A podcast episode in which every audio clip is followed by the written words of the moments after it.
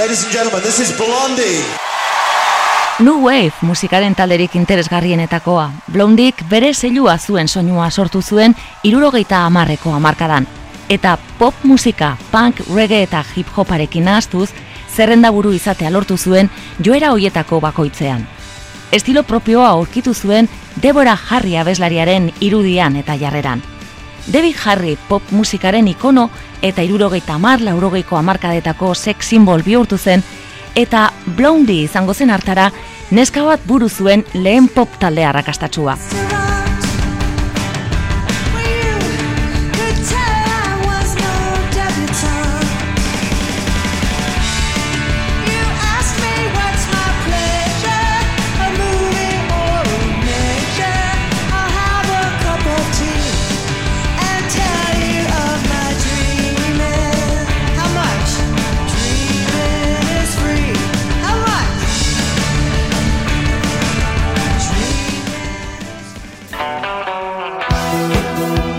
Mila behatzeun da irurogeita amalauean New Yorken sortua Ramones edota Velvet Undergrounden antzera, Chris Stein gitarrista, Clem Bjork bateria eta Jimmy Destri teklista ziren Blondie taldeko beste irukideak. Debbie Harry Miami jaio zen mila behatzeun da berrogeita bostean, baina hiru hilabeterekin adopzioan eman zuten eta New Jerseyko bikote batek hartu zuen. Lau urterekin jakin zuen adoptatua zela. Gurasoek oso modu goxoan azaldu ziotela kontatzen du, berezi sentitu arazi ziotela. Eta bere imaginazioan Marilyn Monroeren alaba galdua izan zen urtetan.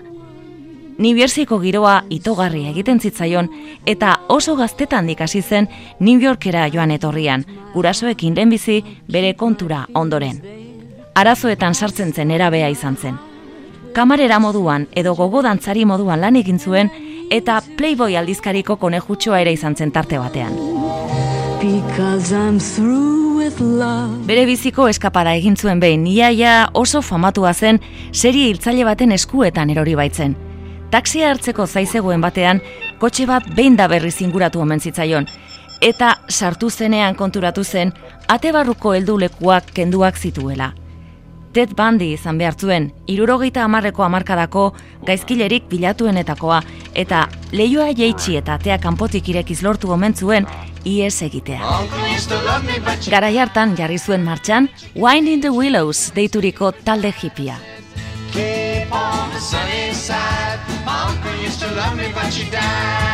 Hipien garaiko beste rock taldeen antzera Debbie Harryren lehen bandak gutxi irantzuen.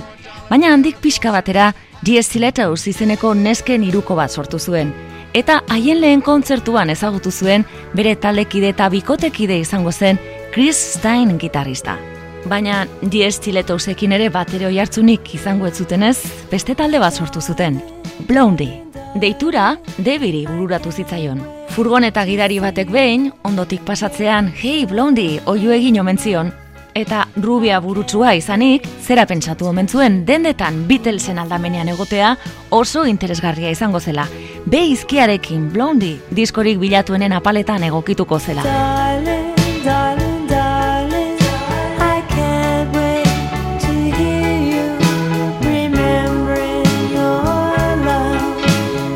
nothing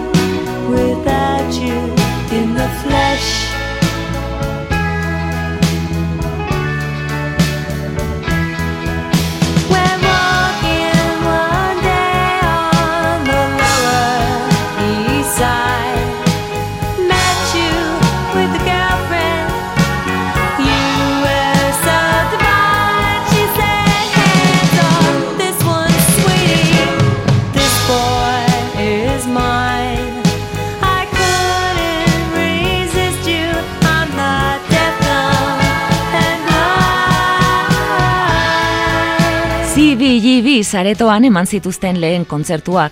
New Yorkeko klub ospetsu hartan sortzen ari zen Punky Paramerikarra, Television Talking Heads edota Ramones taldeekin. Let's go! Hey! Ho! Let's go! Hey! Ho! Let's go! Hey! Ho! Let's go!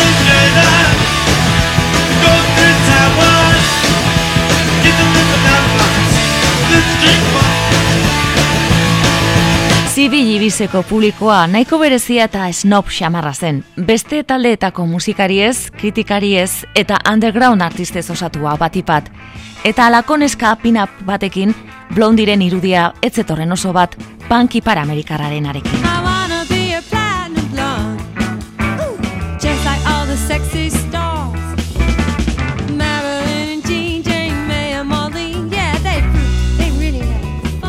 Debbie Harrik modelo bat zirudien eta etzen onartua izan.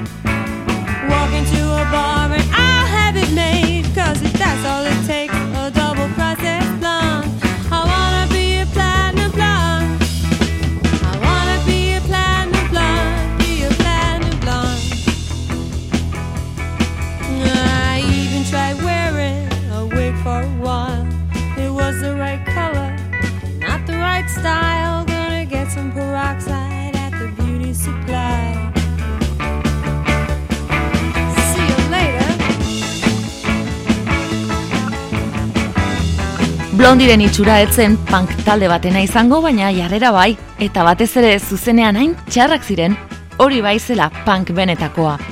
Gainera debiri erditan letra aztu egiten zitzaion. Dena esan behar bada, hasieran blondik txantxetako taldea zirudien eta publikoa abestietan baino gehiago fijatzen zen abeslariaren galtzerdietan eta olako gauzetan. Kanta guztiak oso berdintxuak baitziren.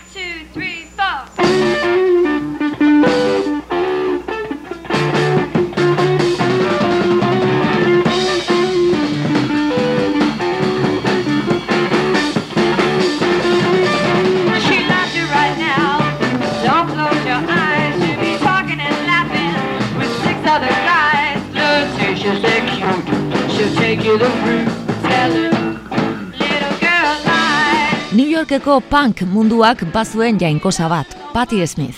Blondie taldekoak ere bere jarraitzaile ziren. Eta bakarra izaten jarraitu nahi zuen, oso argi utzi zion behin Debbie Harriri aparte batean hartu zuenean, etzegoela bientzako tokirik eta alde egiteko esan zion. Blondie karen boikotan ozitu zuen, zibi zen jotzeko asmoa izan zuen bakoitzean.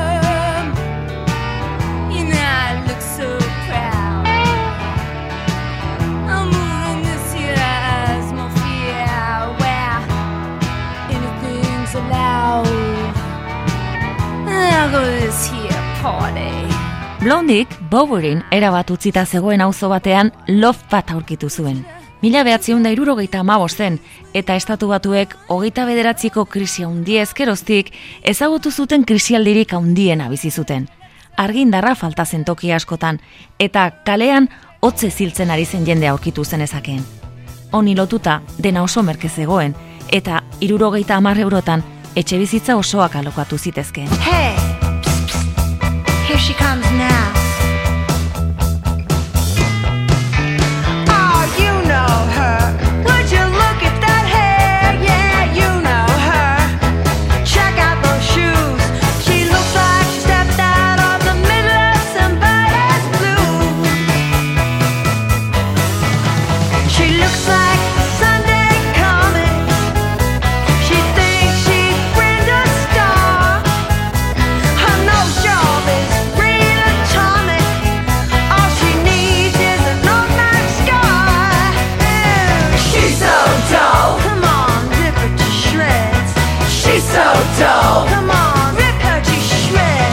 Stein eta Debbie Bowery Street berreunda irurogeita zeiko loft batean jarri ziren bizitzen. Eta eurekin batera taldeko bajista berria Gary Valentine. Bero gailurik ere ez zuten, baina nahiko handia zen eta taldea bertan ensaiatzen hasi zen egunero. Promozioari dagokionean, Chris Steinek bazekien nondik tira, argazkilaria izanik eta Debbie Harry bezalako modelo batekin aldizkaria azaletan argitaratuko zituzten argazkiak atera zizkion. Eta hoietako bati esker lortu zuten lehen kontratua. Atzean leopardozko irudia duenarekin. Private Stock Records diskoetxearekin sinatu eta pixka batera lehen singela kaleratu zuten. Ex-Offender. I saw you standing on the corner. You look so big and fine. I really wanted to go out with you. So when you smiled, I laid my heart on the line.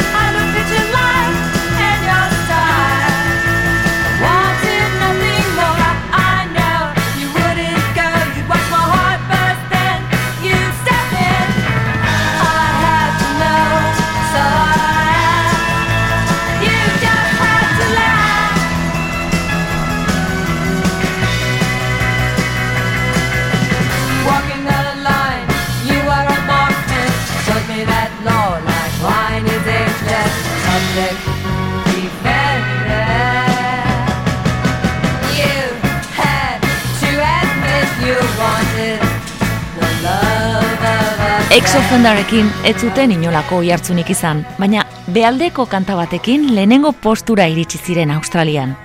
Nastu egin ziren eta kanta bat beharrean bestea promozionatu zutenez, In the Flashekin bere biziko arrakasta izan zuten. Ari esker lehenengo urrezko diskoa eta estreneko aurkezpen bira lortu zituzten.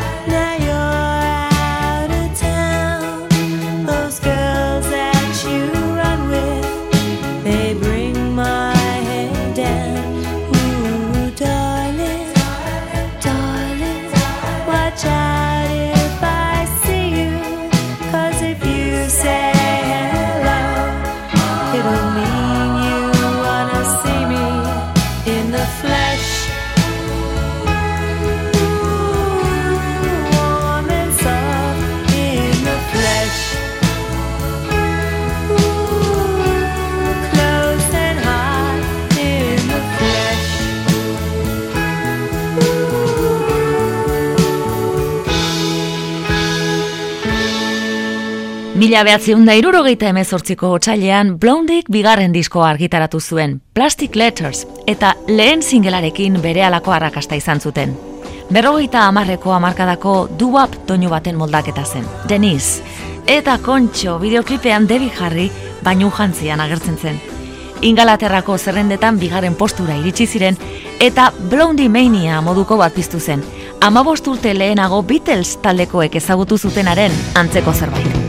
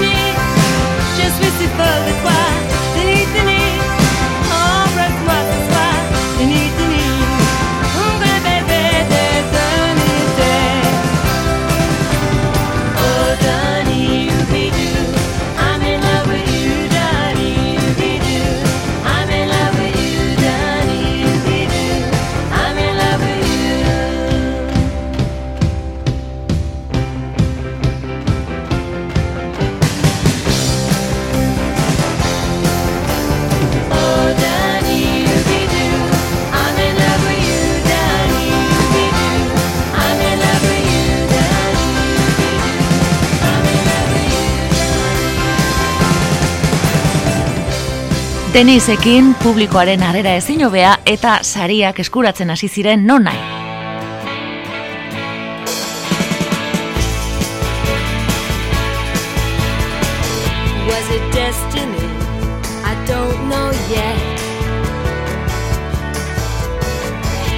Please ask you to tell us who is Swap Shop's favorite pop star. Congratulations with your uh, number one record in Holland. I picked some flowers in my garden and here they are. Debbie Harry from Blondie.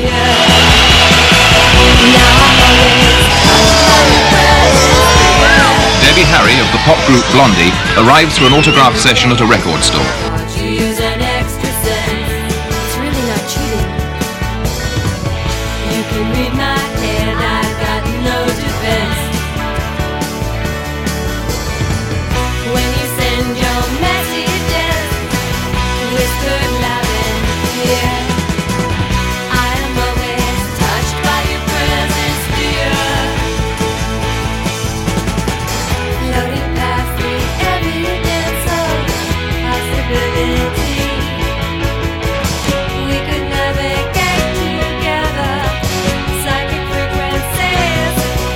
Honetan hasi ziren Debbie Harryren irudi sexiarekin jokatzen. Marilynen moduko ile horia eta soinean bota luze eta minigonak poparen ikono bihurtu zen.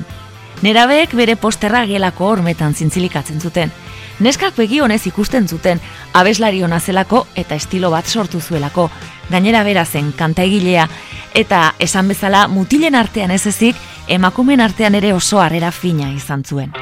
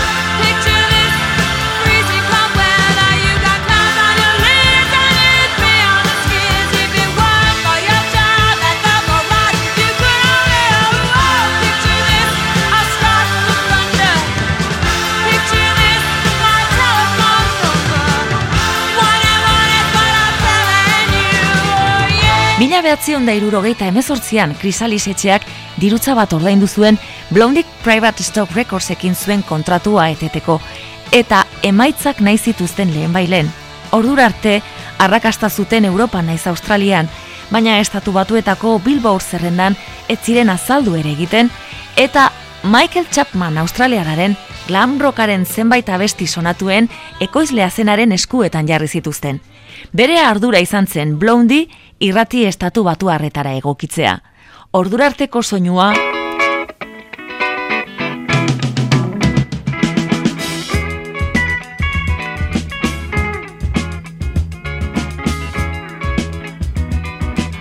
Soinu garbi eta zainduago batera ekartzea.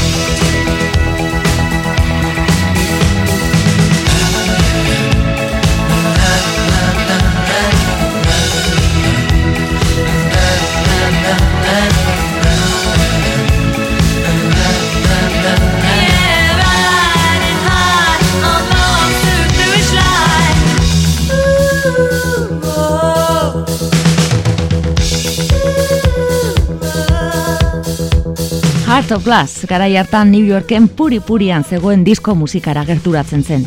Debik mila behatziun da irurogeita emezortziko elkarrezketa batean esana zuen Giorgio Moro derren eurodiskoa bestea gustatuko litzaiokela gehien. Eta handi gutxira, Dona Samerrekain ezagun egindako I Feel Love moldatu zuten CBGB's klubean. Guztien arridurarako eta zalaparta ondi xamarra sortuz, orduko rock taldeek ezbaitzuten disko musikarik abesten.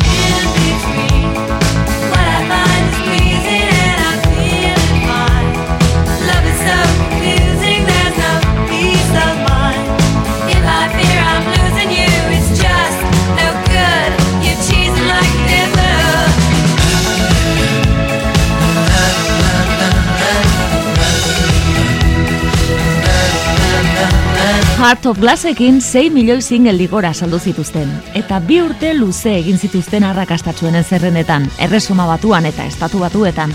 Baina azkarretorri zen baita ere, Ramones modukoen erantzuna. Lagunak zituzten arren, pankaren integritatea apurtu izan aleporatu zieten, jeloskor xamar segurazki mundu mailako hitonekin zuten arrakastaren gatik. Baina ezin daiteke esan, roka egiteari utzi ziotenik.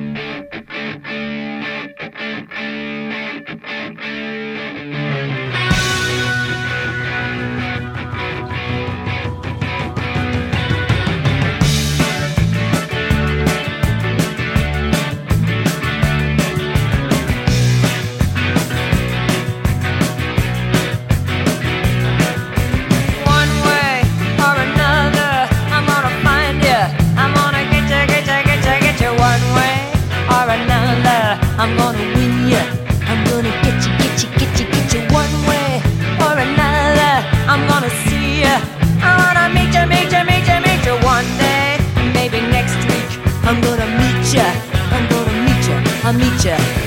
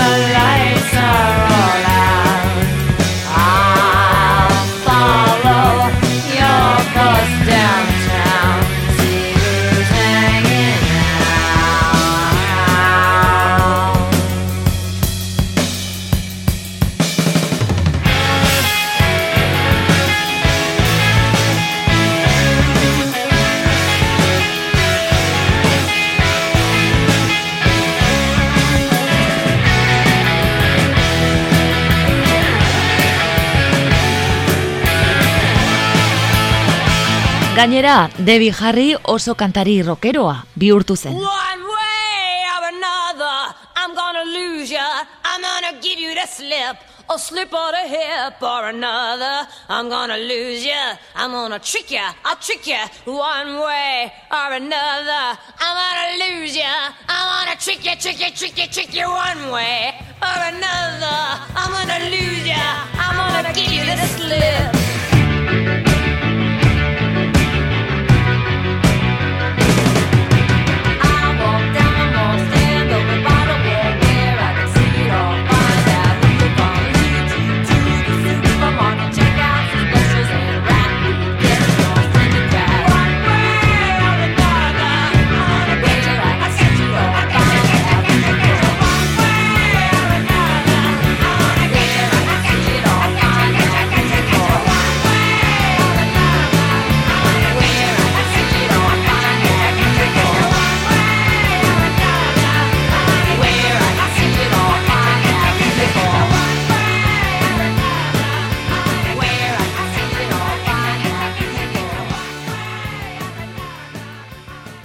Blondiren urrengo jita derronetzen Bima Baberen estiloko abesti oso pop bat izan zen.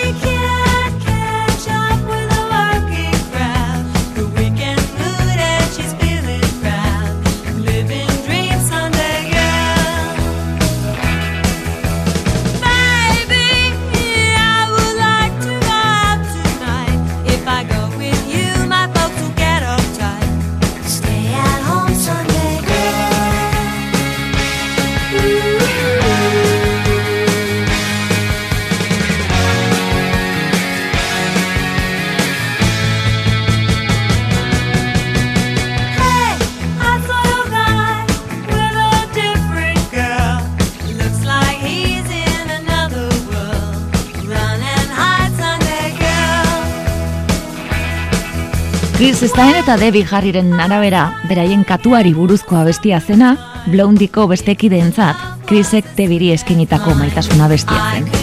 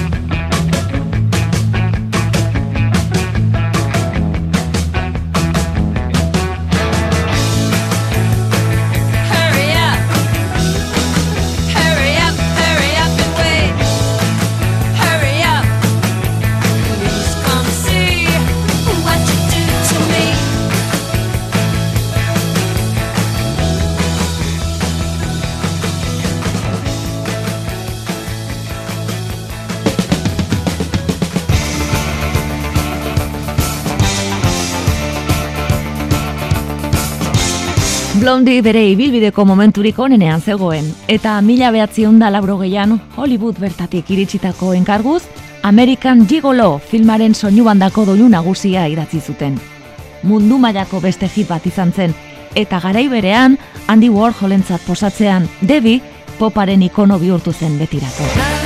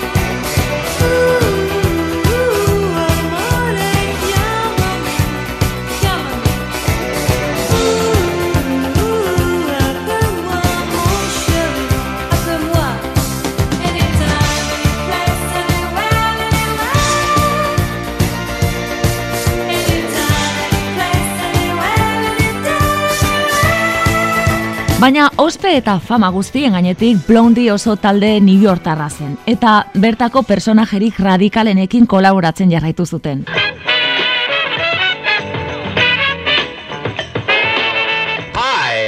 Welcome to TV Party. TV Party izeneko kableko telebista batean parodiak egiten zituzten esaterako edota artean grabatu gabe zituzten zenbait kanta aurkeztu desafinatutako banda batekin. Hala egin zuten esaterako The Tide is Highekin.